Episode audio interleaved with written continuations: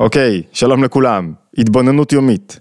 הנושא שלנו היום הוא איך מתמודדים עם הרגשה שלא מעריכים אותי מספיק. אני מרגיש שלא מעריכים אותי, אתם יודעים מה, אפילו קצת מזלזלים בי, מקבלים אותי כמובן מאליו. מי? זה יכול להיות בן או בת הזוג, שכשבן או בת הזוג לא מעריכים את בן הזוג שלהם מספיק, אני מרגיש כאילו מקטינים אותי, ואני מרגיש שאני לא יכול לצמוח מהמקום הזה. למה? כאילו הוא עושה דברים חשובים, הוא מוכשר מאוד בהיבטים שלו, ואת מגוון היכולות שלי, או התרומה שלי, או מה שאני עושה, הם, הם, הם כאילו חסרי ערך. זה שאני, יש לי כישורים חברתיים אחרים, ויכולות אחרות, ואני משקיע בבית, זה כאילו לא נחשב, נחשב רק שהוא מביא כסף, שהוא עושה דברים מסוימים. זה יכול להיות קרוב משפחה, במשפחה המורחבת יותר, שאני מרגיש שכאילו תמיד מדברים עליי בצורה מזלזלת קצת, לא רואים את ה... הם, הם כולם מצליחים במובן מסוים, אני לא מצליח בתחום הזה, אבל יש לי הרבה דברים אחרים שאני טוב בהם, לא רואים אותם, וזה גורם לי להיות פחות טוב בדברים שאני עושה. זאת אומרת, זה גורם לי גם להשקיע פחות, וזה גורם לי לריחוק. זה יכול להיות ההורים שלי. כשההורים לא מעריכים את הילד, ואין סתירה בין לאהוב ללא להעריך. אני יכול מאוד לאהוב את הילדים שלי, לא מעריך אותם, לא רואה את הפוטנציאל שלהם, לא מאמין בהם שהם יכולים להגיע גבוה, הם יגיעו, הם לא קורצו מהחומר הנכון, אני רואה אותם, אני רואה שהם לא מסוגלים. כשאני לא מעריך או מאמין בילדים שלי, בוודאי שהם, קשה להם יותר להעריך את עצמם, הם צריכים לעשות עבודה מאוד קשה כדי להתגבר על חוסר הערכה של ההורים, וזה יכול להיות שהילדים שלי לא מעריכים אותי. אני מובן מאליו, אני סבא או סבתא, אני עושה כל כך הרבה דברים, אני מתאמץ, אני משקיע, ולא לא מתייחסים לזה, אה, הוא, הוא כאילו הוא לא נתן מספיק. מה שאני לא עושה, לא נתתי מספיק. מה שאני לא עושה, זה, זה מתקבל או כמובן מאליו, או שאני צריך לתת יותר, או שאני לא שומע איזה מילה טובה, או, או איזה הערכה, ואני מרגיש ממש שזה גורם למה. לריחוק, לנתק, לי, לחוסר מוטיבציה, זה יכול להיות הבוס בעבודה. שהבוס בעבודה, אני עושה את כל, אני מרגיש שאני עושה המון עבודה, אני תורם, אני נותן את כל כולי, ואני מרגיש שהוא לא מעריך אותי. וככל שאני מרגיש שהוא פחות מעריך אותי, זה גורם לי לרצות לתת יותר. אני מתוסכל ממקום העבודה, אני לא טוב לי שם, כי אני רואה את הבוס שלא ממש רואה אותי. וככל שהמעגלים שאני מרגיש שנושבת מהם חוסר הערכה קרובים אליי יותר, זה גורם לי יותר לחוסר. לתחושה לא טובה עם עצמי, שאני לא מאמין בעצמי, שאני לא מעריך את עצמי. פחות אכפת לי שאיזה מישהו רחוק לא מעריך אותי, עם זה אני יכול להתמודד. יותר אכפת לי שבן הזוג שלי לא מעריך אותי, אם בן הזוג שלי מקטין אותי או לא מגביה אותי, וואו, איזה התמודדות קשה זו, זה ממש קשה לי בנפש. או כשהבוס אה, אה, שלי בעבודה לא מעריך אותי, אז, אז כל הערך התעסוקתי שלי, כל התרומה שלי לעולם, אני מרגיש שהיא, שהיא הולכת ונוזלת, מתנדפת ו, ולא באה לידי ביטוי. איך אני מרגיש, איך זה בא לידי ביטוי כשאני מרגיש שלא מעריכים אותי? לפעמים לא בהקנטות. או במילים לא ראויות, לא באיזה דיבור לא ראוי, אנחנו לא מדברים על המצב הזה, מדברים על זה שלא מפרגנים לי, לא אומרים לי מילה טובה, לא קונים לי מתנה, לא מזכירים אותי, שוכחים אותי בתודות, לא מזכירים אותי בתודות. לא מקבלים יוזמות והצעות שלי, או כל יוזמות והצעות שלי מתקבלות כ... נו, אוקיי, לא מקשיבים למה שיש לי להגיד, לא לוקחים אותי בחשבון כשעושים אה, סיור מוחות, כשחושבים על רעיונות, כש... נו, זה יחיאל הוא תמיד ככה, הוא תמיד יאמר את זה. לא, לא, אפשר דוגמה בבית שרווחת, כשבן זוג אחד הוא אחראי על הפרנסה אמרנו, ובן זוג אחר הוא אחראי על, ה, על, ה, על הבית, על העיקר, על העניין המרכזי, על הילדים ועל, ה, ועל איך שהבית יתנהל, אז הרבה פעמים לכאורה הדבר החשוב הוא הפרנסה, שאין איוולת גדולה מזאת, כי זה לא הפרנסה היא העיקר, הפרנסה היא בשביל הבית, הבית הוא העיקר, ובן הזוג שמשקיע בבית ועושה ופועל בו, מרגיש שלא מעריכים אותו. ומי צריך את החופשה, ומי צריך את המנוחה, ומי צריך להתרענן עם חברים, זה שכאילו יצא החוצה לעבוד, וזה בדיוק הפוך, כאילו רוב הערכה צריכה להיות הבית הוא העיקר, לשים את הפרנסה ואת הקריירה במרכז, אומר הרבי מלובביץ', זה לשים עגל זהב בתוך הבית ולעבוד את עגל הזהב, ולכן זה יוצר כל כך הרבה עניינים הפוכים. אז אני מתקתק ועושה, ולא מביאים את זה, בכלל לא מתייחסים לזה. זה יכול להיות, אמרנו, סבא או סבתא, זה יכול להיות במגוון של דרכים, ואני מרגיש שחוסר ה... חוסר הערכה גורמת לריחוק מצידי, במובן הזוגי כשמזלזלים בי, מה אתם רוצים? אתם חושבים שיש בזה משיכה? יש בזה, הרי, הרי מתי אני נמשך? כשמעריכים אותי, כשאומרים לי מילה טובה, כשמפרגנים לי, מפרגנים לי, אני פתאום נפתח. אל תעריכו מישהו, תראו איך הוא נסגר, איך הוא מתרחק, איך הוא רוצה לתת פחות, איך הוא מגלה פחות את הכישורים שלו. אל תעריכו את הילדים שלכם, תראו איך הם מתרחקים. הם יחפשו את ההערכה במקומות אחרים, הם יחפשו מקומות אחרים שיאמינו בהם, הם לא יקבלו אמון והערכה בבית שלהם, אז הם ילכו לחפש את זה במקומות אחרים.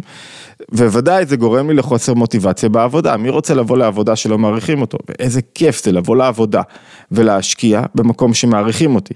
כמובן, יש מהצד השני את נושא היתר שביעות רצון, שלא נדבר על זה היום, וזה גם יכול לגרום לי שאני, שאני כאילו סובל מעודף הערכה, אז אני לפעמים יותר מדי שבע רצון, יותר מדי בטוח בעצמי, ואז לא לומד, לא מתפתח, עושה את הדברים מתוך הרגל, אבל זה עניין אחר. העניין שלנו זה איך אני מתמודד עם תחושה שלא מעריכים אותי. ממה נובע, נובע המצב שאני מרגיש שלא מעריכים אותי? כמובן שזה סובייקטיבי, אבל יש לזה יסודות אובייקטיביים. בואו נראה כמה נקודות שיכולות להיות הסיבה. הרי אם לא נבין את הסיבה, לא נצליח לפתור את, ה, את הלמה, למה לא מעריכים אותי, ולא נוכל לתקן את זה. וזו המשימה המרכזית שלנו, איך מתמודדים, מה צריך לעשות כשאני מרגיש שלא מעריכים אותי. אז יש כמה סיבות שאפשר למצוא, נמצא כמה מהם, אחת, אמ, יש אנשים שבונים את הערך שלהם על ידי הקטנה של אחרים, מה זה יש אנשים? יש בכל אחד מאיתנו צד כזה, שהוא הערך שלו תלוי בזה שאני אקטין אותך, בזה שאני אדרוס מישהו אחר, בזה שאני אגביה את עצמי על פניו, בזה שאני אוכיח שאני יותר טוב ממנו, ואז אני, אני לא רואה את היופי שבאנשים אחרים, אלא אני כל הזמן מחפש להיות אגרני ולעומתי מולם. זה, זה קצת כמו פוליטיקה, זה כמו יכול להיות בוס מסוים, שהוא לא מרגיש את הערך שלו, שהוא כל הזמן קפוץ ולחוץ, שהוא לא מצליח לראות את התרומה של אנשים אחרים. מדי פעם הוא מצליח רגע לסגת לאחור ולראות, רגע, הוא באמת תורם לי העובד הזה. אבל ביומיום קשה לו להוציא את זה מעצמו, הוא לא יכול לפרגן, הוא לא יכול להגיד מילה טובה, הוא לא יכול לדחוף, הוא לא יכול לעודד, הוא, הוא חושב שהמוטיבציה שהוא ייתן לאנשים תהיה על ידי שלילה ולא על ידי חיוב. יש לנו תנועה בנפש כזאת, שהיא תנועה תחרותית מאוד, ותחרותית במובן הלא מפרגן, וכל מי שמצליח או צומח זה על חשבוני. ואם אני רוצה ערך, אני חייב להקטין אנשים אחרים, ולראות מה הם לא. ואז זו תנועה מסוימת שכשאני ליד אדם כזה, אני אסבול. זאת אומרת, אני צפוי ולא משנה מה אני אעשה לחוסר הערכה. יש מצבים שבהם לא רואים את הייחודיות בגלל שהייחודיות היא תלוית תרבות, חברה, נורמות, זאת אומרת, יש חברה מסוימת שמעריכה אסרטיביות. ופעלתנות יתר, ויש חברה אחרת שמעריכה טוב לב, ואהבה, ונדיבות, ו- ו- ותשומת לב, ואם אתה בחברה שמעריכה יותר אסרטיביות ופעלתנות, ו- ו- ו- ושהתוצאה של זה זה עשיית כסף, לעומת חברה, סביבה, נורמות, תרבות, שמעריכים טוב לב, אז לא יעריכו אותי אם אני טוב לב במקום הזה. אני מכיר אנשים, אני מכיר אדם שהוא מדהים, מקסים, נפלא. הוא לא כל כך מוצלח בתחום התעסוקתי, אבל הוא האדם הכי כיף להיות איתו בעולם. והוא הבן זוג הכי מוצלח, ועדיין, הוא, הוא, הוא זוכה לחוסר הערכה משווע מבין בת הזוג שלו, למה? כי, כי הקנה מידה להערכה הוא אחר. ולכל אדם יש סל תכונות ייחודיות. תכף נדבר על מהי הערכה ואיך אני מחזק את הערכה שלי בעיני האחרים ואת הערך שלי בעיני עצמי. יש מצבים שבהם באמת מי שרעשן יותר, אותו מעריכים יותר. ומי שפחות ועושה את הדברים בשקט וכאילו לא תובע את המקום שלו, או שאפילו מרצה, הרבה פעמים אנחנו לא מעריכים את מי שהוא מרצה. מי שמרצה, אנחנו לא מעריכים אותו, כי אנחנו רואים שהוא עושה את הדברים כדי למצוא תשומת לב, למצוא, למצוא חן בעינינו. וכשמישהו עושה משהו כדי למצוא חן בעינינו, הוא מיד מאבד את ההערכה שלנו. באופן אוטומטי, תבואו למקום, תנסו רגע למצוא חן בעיני אנשים, תראו שאתם מאבדים את ההערכה. ועוד סיבה אה, אחרונה להפעם, כדי שהסרטון לא יהיה ארוך מדי, ללמה לפעמים לא מעריכים אותי? כי אני לא מעריך אנשים אחרים. כשאני לא מעריך, תחשבו, כשמישהו לא מעריך אתכם, אתם מעריכים אותו? אין סיכוי, ישר אני, אוטומטית אני מוצא אה, דברים בתוכי להגיד למה הוא לא בסדר, מה לא טוב בו, איזה בוס הוא לא טוב. אם הבוס שלי לא מעריך אותי, אתם חושבים שאני אעריך אותו? אם בן הזוג שלי, בת הזוג שלי לא מעריכה אותי, אז אתם חושבים שאני אעריך אותה? אם היא אומרת לי, תשמע, אני לא מעריכה את השיעורים שלך, אני לא בא לשמוע את השיעורים שלך, אני לא קוראת את הספרים שלך. זה נורא, שמעתי איזה חתן אה, שאמר שחמיב, כתב ספר, אז שאלתי אותו איך הספר של חמך קרה, אז הוא אמר לי, אה, לא קראתי, לא, עברו איזה כמה שנים והוא לא קרא. אז, אז אמרתי וואו, אני הייתי ממש נעלב, כאילו אם קרוב משפחה שלי, מישהו במשפחה הקרובה, לא עיין אפילו בספר שלי, לא, לא אכפת לו, לא, אז הוא בטח שלא מעריך אותי. זאת אומרת, אם עשיתי משהו, אז קרוב משפחה צריך לפחות להביע עניין, להיות שם, להסתכל, לראות, ל, ל, אה, ל, ל, להסב תשומת לב, ואם אתה לא מעריך מישהו, אז הוא גם לא יעריך אותך. אם אני לא מתעניין במה שאשתי עושה, בפעילות שלה, בעבודה שלה, בהשפעה שלה, אז מה אתם רוצים, שהיא אחרי זה תבוא ותתעניין בשלי? זה לא יכול להיות חד צדדי. אתה נותן הערכה, אתה מקבל הערכה. אז ברור מכל מה שאמרנו עד עכשיו, שזה רע מאוד כשאני לא מעריך אחרים, כי אני גורם להם לא לתת את עצמם, לא להשקיע יותר, לא לגורם לריחוק, גורם לדחייה, גורם פיחות בקשר, ואם זה במובן הזוגי, זה גורם למצב לא בריא, שבני הזוג מקטינים אחד את השני ולא רואים את המעלות, ובוודאי שזה מוריד את המשיכה והקרבה והאחדות והאינטימיות, ואם זה בתוך העבודה, אז זה ודאי שזה גורם לי להיות עובד פחות שמח, פחות, פחות שמח, פחות נותן מעצמי, פחות משקיע, פחות ממוקד, ואם זה בתוך המסגרת המשפחתית המורחבת.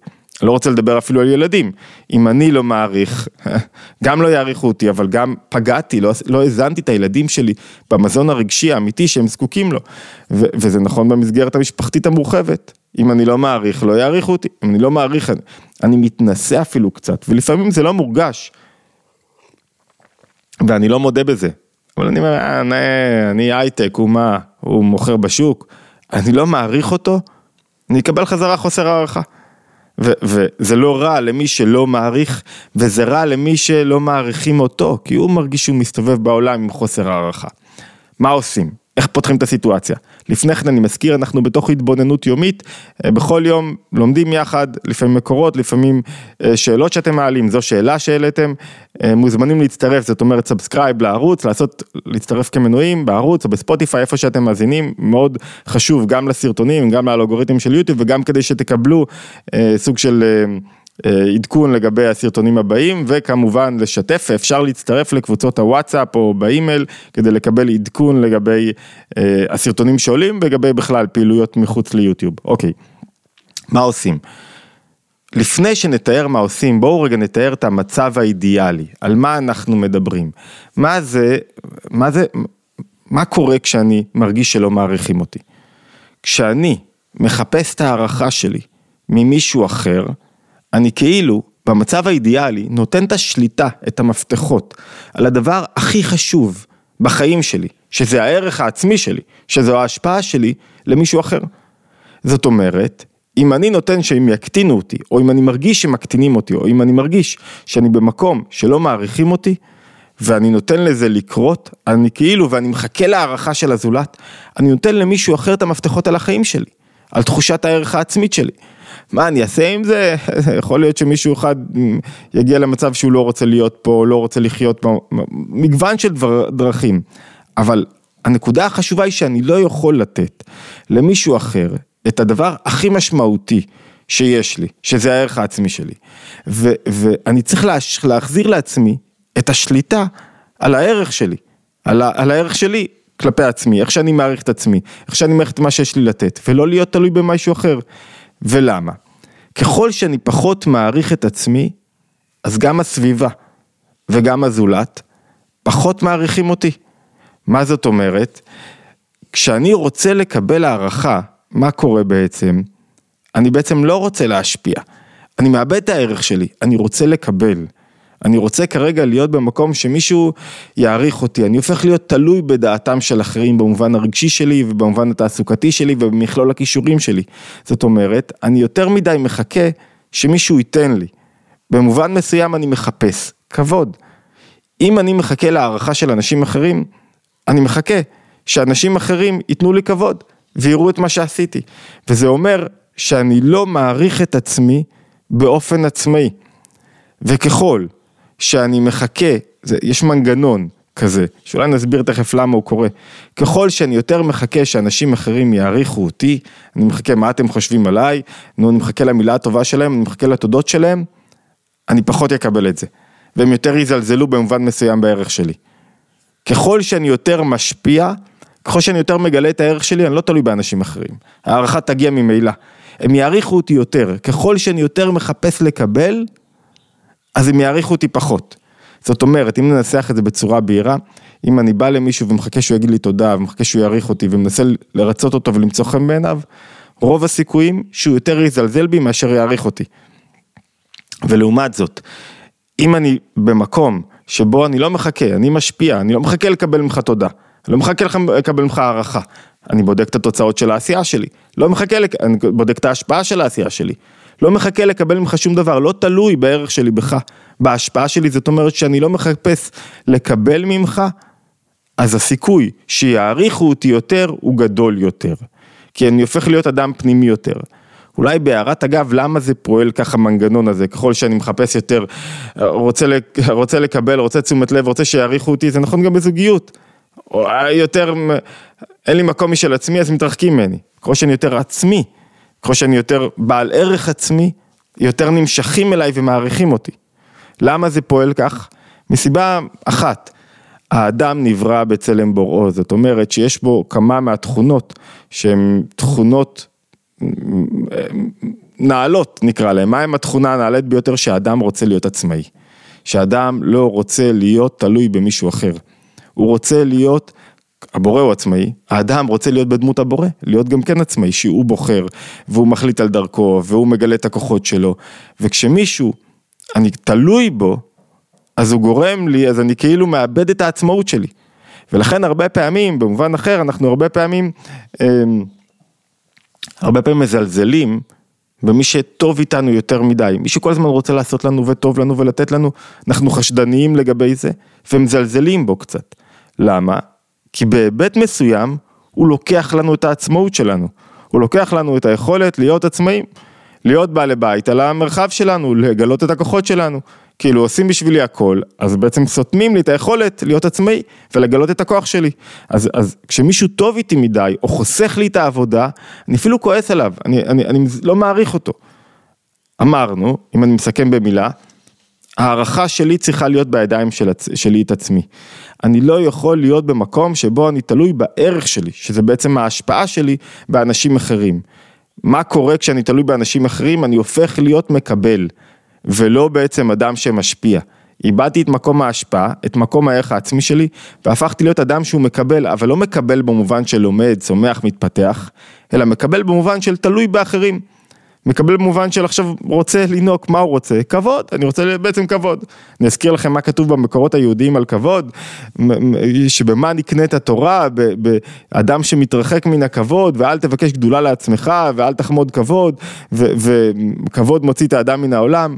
מה עושה לי כבוד? אני הופך להיות תלוי באנשים אחרים, ואיבדתי את הערך שלי, את ההשפעה שלי, איבדתי את מי שאני אני, את, את, את המקום שבו אני דומה לבורא, בגילוי כוחות שלי, בעצמאות שלי, בידיעת הערך שלי, בידיעת זה שלא נבראתי, לא נבראתי סתם, ואין דבר לבטלה, ו, ואני חשוב בהשפעה שלי. אוקיי, אז מה עושים עם זה? הבנו את המצב האידיאלי, אנחנו לא תמיד מצליחים להגיע למצב האידיאלי, כי אנחנו יצורים חברותיים מטבענו. אנחנו קשורים בבני אדם אחרים. אני רוצה במידה מסוימת לקבל מילה טובה, אבל אמרנו התהליך הזה הוא תהליך קסמים. ככל שאני מצליח להיות פחות תלוי בערך שלי, אני יותר אקבל ערך. ככל שאני יותר תלוי, אני פחות אקבל, והסברנו הרגע למה. מה עושים? בואו ניקח כמה צעדים אה, מעשיים, מתנצל על הערכה, בדרך כלל 20 דקות, אבל נושא נראה לי חשוב מאוד. בואו ניקח כמה, כמה צעדים אה, אה, אה, ככה מעשיים כדי לשפר, להתמודד עם מצב שבו לא מעריכים אותי ולגרום לאנשים כן להעריך אותי. אחד, לשדרג את היכולות שלי. אני צריך להעריך את עצמי, המטרה שלי שהערך שלי יהיה בלתי תלוי, והמטרה שלי שהערך שלי גם יתגלה לזולת. ככל שאדם משדרג את היכולות שלי ואת העשייה שלו ואת הלימוד שלו וככל שהוא מחזק את הכוחות שלו, מסתכלים עליו מסביב ואומרים, אה, ah, זה בן אדם שמשדרג את מה שיש לו לתת לעולם. זאת אומרת, במקום לחשוב לקבל, אני חושב איך לשדרג את עצמי ב, ב, בעשייה שלי. למשל, אדם שיש לו זמן קבוע לספורט, מעריכים אותו על זה, כי הוא שומר על הגוף שלו. את מי אתה מעריך יותר, אדם שלא דואג לעצמו, או אדם שדואג לעצמו. אז כאילו, בזמן שאני עושה ספורט אני דואג רק לעצמי, אני אינטרסנטי, אבל לא. מה עשיתי באותו רגע? גיליתי כוחות. זה משהו שאמרנו פעם, כשאתה רואה מישהו רץ מרתון, למה אתם מעריכים אותו? אני ביישוב כזה, ש, שיש פה כמה רצי מרתון, והרבה עושים ספורט, מה יש להעריך באדם כזה? מה, מה, מה, הוא דואג לעצמו, הוא רץ בשביל עצמו, הוא עסוק בעצמו, הוא לוקח זמן, כנראה ההכנות לריצת מרתון לוקחת זמן מהבית והמשפחה. מה, מה, לעומתו יש אדם אחר שעשה משהו, תרם כליה, למה יש להעריך יותר את האדם שרץ מרתון מאשר את האדם שתרם כליה? זה לא נכון, צריך להעריך מאוד את האדם שתרם כליה, אבל למה יש כזה פרגון למי שרץ? כי הוא גילה כוחות שלו, כי הוא התאמץ, כי הוא עשה מאמץ, יצא מעצמו, ובכל פעם שאדם יוצא מעצמו, משדרג כוחות, מתפתח, אנחנו מעריכים אותו יותר. אנחנו חייבים לקבוע זמנים קבועים להתפתחות, שבהם הזמן הזה הוא קודש, אני עכשיו לומד. אדם שלומד, מעריכים אותו, וואו, איך צמחת, איך למדת, מה באמת, כל שבוע יש לך שיעור קבוע ואתה משקיע בו? יש בזה ערך מאוד גבוה. נקודה נוספת, לחזק אמ, את שאלת הלמה שלי, לברר למה אני עושה דברים. מה, מה, מה אני עושה? אם אני עושה, אם אני משקיעה בבית ועוזרת לילדים ובשביל לקבל מהם טובה והערכה, אם אני מקבל, מגדל את הילדים שלי בשביל לקבל מהם טובה והערכה, אם אני נותן להורים שלי כדי לקבל מהם טובה והערכה, אני לא במקום הנכון. שאלת הלמה תעזור לי לגדל ערך בלתי מותנה. למה אני עושה את הדברים? בגלל שזה האמת, זה העניין, זה מה שצריך להיעשות. ואני פה כדי לעשות את זה. ואני לא במקומות אחרים כדי לא לעשות דברים אחרים. אז אם בחרתי לי את הלמה שלי, וחידדתי אותו, אני כבר לא הופך להיות תלוי באנשים אחרים. אומרת, שדרגתי את היכולות שלי, ואני לא תלוי באנשים אחרים, כי הלמה שלי לא תלוי בך, לא מחכה לך. אני עושה את הדבר כי הוא נכון, לא מחכה שתגיד לי מילה טובה. ואם אני מחכה שתגידו לי מילה טובה, וואו, איזה אירוח נפלא עשית, איזה אישה נהדרת, איזה אדם נהדר, אז אני, יכול להיות שתגיע, יכול להיות שלא תגיע, אבל מלכתחילה זה מעיד שלא עשיתי את הדברים מהמקום הנכון, ואם אני עושה מהמקום הנכון, אני לא מחכה למילה טובה מאף אחד. זה נחמד לי כשאני מקבל, זה כיף, זה מחזק, אבל זה לא מה שיגרום לי להעריך את עצמי. סליחה רגע. זה לא מה שיגרום לי לעשות ולהשפיע. אוקיי, נקודה נוספת, אמרנו, כשאני לא מעריך, לא מעריכים אותי. תשאלו את עצמכם, הערכתם היום את הבעל, את, הבעל, את בן הזוג שלכם, אתם רוצים לקבל הערכה מבן הזוג, לא, שלא יקטין אתכם, אתם הערכתם אותו, אמרתם לו וואו, איזה עבודה מדהימה עשית, יואו, איזה התפתחות, חיזקתם אותו, גרמתם לו להאמין בעצמו, אתם רוצים הערכה מהעובד, הערכתם, מהבוס שלכם, הערכתם את הבוס שלכם, אמרתם לו כמה מילים טובות לגבי האופן שבו הוא מנהל את המחלקה, לגבי האופן שבו הוא עושה, באמת ניסיתם להיות תוכו כברו, לראות בצורה איכותית את איך שהוא עושה את הדברים, באמת ניסיתם לעשות את זה, איזה הוא מכובד, המכבד את הבריות. אתה רוצה כבוד, תן כבוד, לא תן כבוד, לא, לא תקבל כבוד, כל פעם שאני מפרגן, באמת, מהלב, מקבל פרגון חזרה. כל פעם שאני, אה, נו, זה באמת ככה, אז גם עליי מסתכלים, נו, אה, זה ככה, ולכל אדם אפשר להקטין את הפעילות שלו, ואת העשייה שלו, ואת מה שהוא מוציא מעצמו. 12 אלף זוגות תלמידים היו לרבי עקיבא, זה הידרדר עד כדי כך שהם מתו בפרק אחד, למה? כי הם לא חלקו כבוד זה לזה. זאת אומרת, הם לא ראו את האיכויות, את המעלות, את מה שיש לתת לאחר. זה הוביל עד לכדי חורבן כמעט היהדות כולה. אה, ולכן יהיה כבוד חברך חביב עליך כשלך, כשלך. אז, לח... אז אמרנו עד עכשיו, אמרנו לשדרג יכולות והתפתחות, לקבוע לי זמנים קבועים שבהם אני צומח, לומד, עושה, מתפתח, אנשים מעריכים את מי שמגלה את הכוחות שלו. אמרנו לברר את הלמה שלי, למה אני עושה. זה מגן עליי מפני להיות תלוי באחרים, זה גורם לי לגלות את הכוחות שלי. אמרנו, אה, לשאול אם אני הערכתי היום, אם אני פרגנתי באמת. נקודה נוספת, לחזק את הערך הבלתי מותנה שלי. ככל שאדם יותר לומד ומתבונן בבריאה, ורואה שבעצם אין דבר שנברא פה לחינם, ויש לו תפקיד, והוא מחפש, כל כך עצוב לי לראות מישהו שאומר, אני, אין לי באמת מה לתרום לעולם. אין כזה דבר, אדם שאין לו מה לתרום לעולם. כשאתה מחייך למישהו, אתה יכול לתרום למישהו, לחזק לו את היום. אין אדם כזה שהוא לא סתם שם בשביל משהו. אומר הבעל שם טוב, לפעמים אדם בא לעולם, הבעל שם טוב מייסד החסידות, כדי לעשות, ובחי 70 שנה, או 120 שנה, כדי לעשות טובה למישהו אחר, ליהודי אחר. ו- ולפעמים אתה חושב שאתה, התרומה שלך היא בחברת הייטק, או בעבודה מסוימת שעשית, או בקריירה שפיתחת, או בתארים שהרווחת, וכל מה שבאת לעולם, כל התכלית שלך זה איזה טובה שעשית למישהו אחד באיזה קונסטלציה ועזרת לו לגלות את הכוחות שלו. כלומר, אתה בכלל מעריך לא נכון את המשקל המרכזי של איפה הערך האמיתי שלך בחיים. אז מה אנחנו אומרים? לנסות לגלות את זה שיש לי פה ערך בעולם, ואפשר לגלות את זה רק על ידי לימוד, רק על ידי חיבור לנקודה פנימית ולא נקודה חיצונית. חיבור לחיצוניות זה אני מחכה שהחיצוניות תכריע לגביי. חיבור לפנימיות, תחבר למשהו יותר גבוה, למותר לי להיות. כשמותר לי להיות זה נקודה סופר חזקה שדיברנו עליה המון, כשאני לא מותנה, מותר לי להיות, אני גם מקבל אחרים. ואז אני אקבל גם את ההערכה שלהם. כשאתה מעריך מישהו בלי קשר אפילו למה שהוא עשה, בלי קשר לגילוי הכוחות שלו, בלי קשר לכישורים שלו, הוא מרגיש שפה טוב לו להיות. והוא יעריך אותך על זה, הוא יכבד אותך, כי, כי ראית אותו, ראית את הקושי שלו, ראית את ההתמודדות שלו, זה נכון גם לגבי עצמך. נקודה נוספת, באופן אישי, זה קשה להגיד, קשה להגיד, קשה לעשות, אבל מאוד חשוב. אני, להתרחק מאנשים שמרעילים אותי, שלא מרוממים אותי, שלא מעריכים אותי. תופס רגע מרחק. רגע, למה אנחנו לא אה, מדברים על זה? כי אני כרגע, כי אני כרגע לא יכול לקבל מקום שבו מקטינים אותי. עכשיו, אם זה אדם קרוב, מה עושים? צריך למצוא איזה פתח לשיח אמיתי. אחי, אחותי, אהובי, אהובתי, אני מרגיש שאתה מקטין אותי. אני מרגיש שאתה לא רואה אותי. אני מרגיש שאתה מקטין אותי. אני לא יודע אם זה סובייקטיבי או לא. נסה רגע לראות אותי באופן אחר. כשמקטינים אותי, לפעמים זה מזעזע את האדם. כי אדם נורמלי, בן זוג נורמלי, הורה נורמלי, לא רוצה להיות מקטין. אה, אבל התנהגת ככה, ואה, אבל אתה לא צודק. רגע, אבל תבין, אתה מקטין. אני לא רוצה להיות לידך. תבחר. אני לא רוצה להיפגע, אני רוצה לגדל את הערך העצמי שלי. אז או שאני מתרחק מכאן, או שאתה מפסיק להקטין אותי. בוא תתבונן, איך מגביהים. איך מגביהים, איך מפרגנים, איך רואים את הערך, איך אומרים מילה טובה, איך רואים את, ה, את, את המעשה שלי. אני לא מוכן, מוכנה, להישאר יותר במקום שבו מקטינים אותי. זאת אומרת, אני אלך למצוא את הערך העצמי שלי במקום אחר, אני רוצה לחזק את עצמי, את ההשפעה שלי. והרבה פעמים שיחה כזאת יכולה להיות הנקודת מפנה בתוך מערכת יחסים, כי היא עוזרת לאדם להבין, וואו, זה, זה כאילו, אתה צודק, יש פה איזה משהו. ואז נקודה חשובה נוספת שקשורה בשיפור היכולות, זה שאדם צריך להיות עסוק, צריך שיהיה לו עולם פנימי. אם אין לך עולם פנימי לא יעריכו אותך. אמרנו שערך זה מה שאני משפיע על העולם. אמרנו שכשאני רוצה לקבל, אני תלוי באחרים. אני לא מביא את מה שיש לי להשפיע. וכשאדם יש לו עולם פנימי, אז הוא משפר את הערך שלו.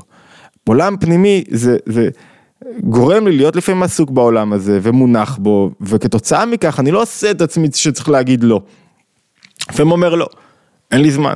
ככל שאני אומר יותר לא לאנשים, יותר רוצים אותך, הרבה פעמים. ככל שאתה אומר כן, אני בא, לפעמים לא רוצים אותך, אני לא אומר לשחק פה משחק. עזבו משחקים שלו, משחקים לא טובים לא בעסק, לא בעבודה, לא בשום מקום. העניין האמיתי, כשיש לי עולם פנימי, אני לפעמים עסוק. אני שומר עליו, הוא לא פרוץ. אני מגדל אותו, אני משקיע בו, אני מתפתח בו. ככל שאני משקיע יותר בעולם הפנימי שלי, אני מצליח לגרום לאנשים אחרים להעריך אותי יותר. למה? כי אני לא תלוי בהם יותר. אני לא מחכה עם הלשון בחוץ, שיגידו לי איזה מילה טובה. כי אני הלכתי לעולם הפנימי שלי, ושם קיבלתי הערכה, ושם קיבלתי השפעה, ושם גיליתי את הערך שלי. אני לא מחפש את הפידבק כדי לגלות הערכה. עוד פעם, הערכה זה תולדה של הערך שלי. התולדה של הערך זה מכך שאני משפיע, ולא מכך שאני מקבל ומחכה לקבל מישהו מילה טובה. אוקיי, אז נסכם בכך שכשמישהו מצליח להתמודד על פי הסעיפים והקריטריונים שנקטנו כאן, להתמודד עם כך שלא מעריכים אותו, אז בעצם אפשר להגיד זה שלא מעריכים אותו זה עבורו נורת אזהרה נפלאה. כדי להגיד לעצמו, אני צריך לגלות יותר את הערך ואת ההשפעה שלי בעולם. אני צריך להיות יותר עצמאי, יותר דומה לבורי במובן הזה. אז זאת אומרת, זה שאני חש שמישהו לא מעריך אותי, או מקטין אותי, זה עבורי אפילו מתנה. כי היא מלמדת אותי עכשיו לקחת את המציאות חיי לידיים שלי, ומפה לצמוח, מפה להתפתח, מפה לגלות יותר כוחות. אני מזכיר לכולם, התבוננות יומית. הנושא הזה עוד צריך לדון בו, אבל אני חושב שתפסנו ואני משתדל תמיד לא להאריך יותר מ-20, טוב 20 דקות אני עובד על, על עצמי, חצי שעה, נסה שיהיה 20 דקות, לפעמים רבע שעה, אמ, כדי שזה יהיה ככה קפסולה שאפשר ללמוד אותה במהלך היום, אבל נושא חשוב שאולי עוד נחזור אליו. כשאני מצליח לגלות את הערכה היומית שלי, אני מצליח לגלות את הסיבה שבגללה באתי לעולם ואת התכלית שלי. אז אה, התבוננות יומית מוזמנים להירשם כמובן לערוץ, מי שעדיין לא נרשם, מי שנרשם אני מצטער שאני חופר לו על זה, אבל זה חשוב לצורך הגדילה וחלק מהמוטיבציה ללימוד הימי ולהתבוננות יומית וליצירת סרטונים, כמובן אפשר מומלץ לשתף וכמובן אפשר להצטרף לקבוצות הוואטסאפ, יש לינק או באתר התבוננות או כאן בסרטון, להשתמע בהתבוננות היומית הבאה.